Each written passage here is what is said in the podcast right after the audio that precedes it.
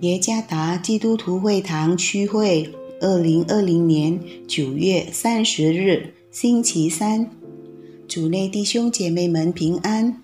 今天的灵修导引，我们借着圣经马太福音第五章十三到十四节来思想今天的主题：世上的盐和光。作者以马内利牧师。马太福音第五章十三节：你们是世上的盐，盐若失了味，怎能叫它再咸呢？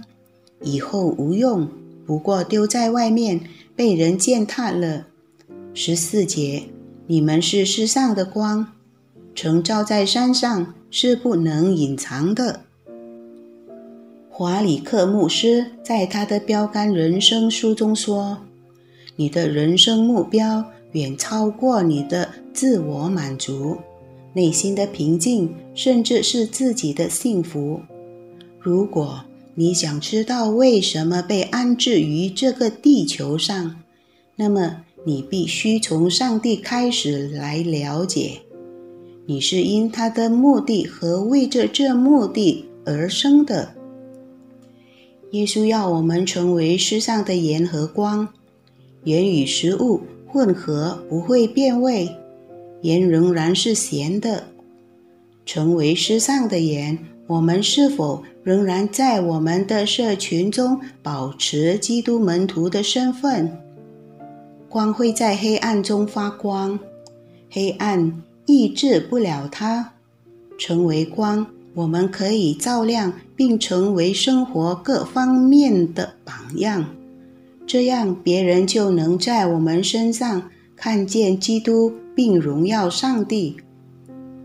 感谢上帝，因为有许多基督徒热忱快乐地成为世上的盐和光，但是也有很多人没实行这个呼召。向所有罪人传扬好消息是我们的共同责任。上帝可以。使用我们所拥有的，成为世上的盐和光。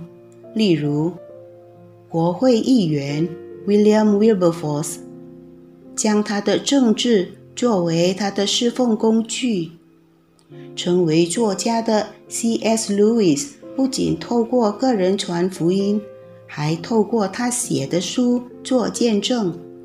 让我们使用上帝赋予的恩赐和机会。